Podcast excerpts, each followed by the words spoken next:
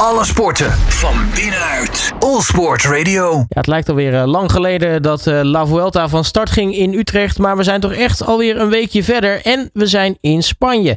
Tijd om een eerste balans op te maken. En dat doen we deze uitzending met uh, wielerjournalist Raymond Kerkhoffs van Wielerflits. Raymond, hele goedemiddag. Goedemiddag.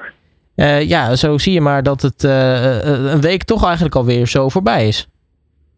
Ja, en een grote ronde, dat gaat altijd heel snel. En inderdaad, wat je zegt, het lijkt alweer een eeuwigheid geleden dat we drie dagen met uh, de Vuelta in, in, Utrecht en in Brabant zaten. Uh, fantastische dagen, bijna een miljoen toeschouwers. Echt pure promotie voor het wielrennen. Ja, de koers is pas echt gaan ontbranden, sportief gezien in Spanje. En nu ze in het Baskeland de eerste bergrit hebben gehad. Zeker. En dan zijn er natuurlijk al veel, veel verschuivingen, veel mooie dingen gebeurd in het klassement. Maar ja, uh, mits je natuurlijk wel de renners over de streep ziet komen. Want dat was gisteren toch even wel wat anders. Ja, en volgens mij uh, was het weer tot dusver in Nederland uh, was het warmer dan in Spanje. Hè? Dus uh, de, de, de staat altijd bekend vanwege de hoge temperaturen.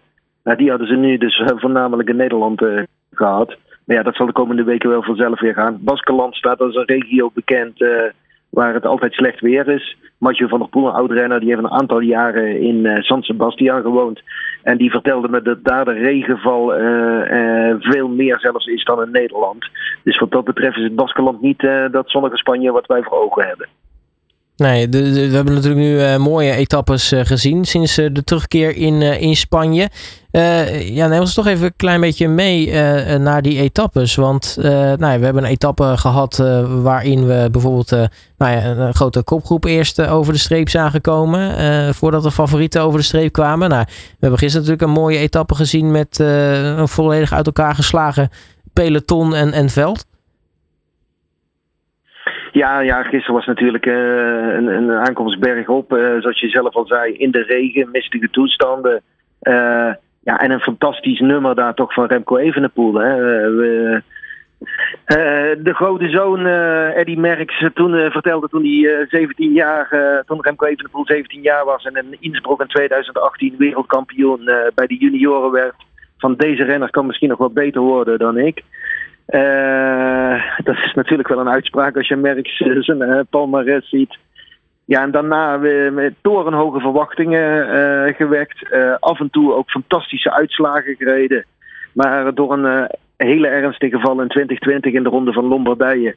toch dik een jaar eigenlijk teruggeslagen. En niet aan die verwachtingen kunnen voldoen.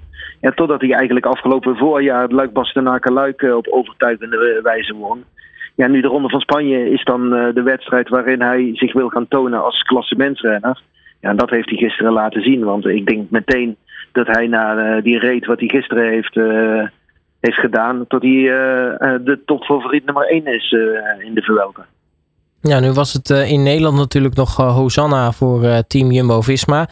drie dagen in het, in het rood. natuurlijk met, met de time trial een, een, een etappe-overwinning.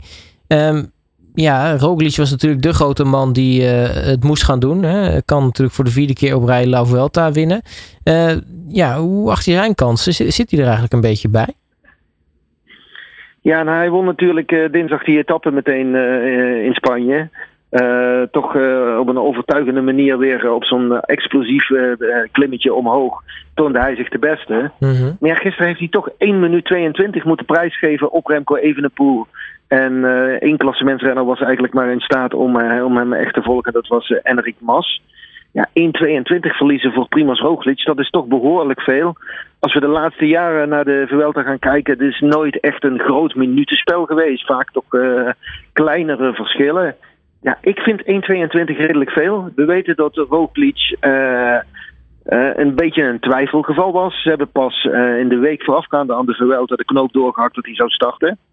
En uh, dat had te maken met uh, de valpartij in de Tour de France in de kasseierrit naar Arenberg. Uh, hij heeft toen nog een paar dagen in de Tour gereden, maar toen hij thuis is gekomen, is, hebben ze toch nog eens een scan van zijn ruggenwervel gemaakt. En daarop was ja, niet iets heel duidelijk te zien, maar het leek er toch wel op dat er een breukje misschien in, in zat. daardoor heeft hij rust moeten hebben, veel last van rugpijn. Ja, het werd eigenlijk een, een, een, een race na de start van de Vuelta.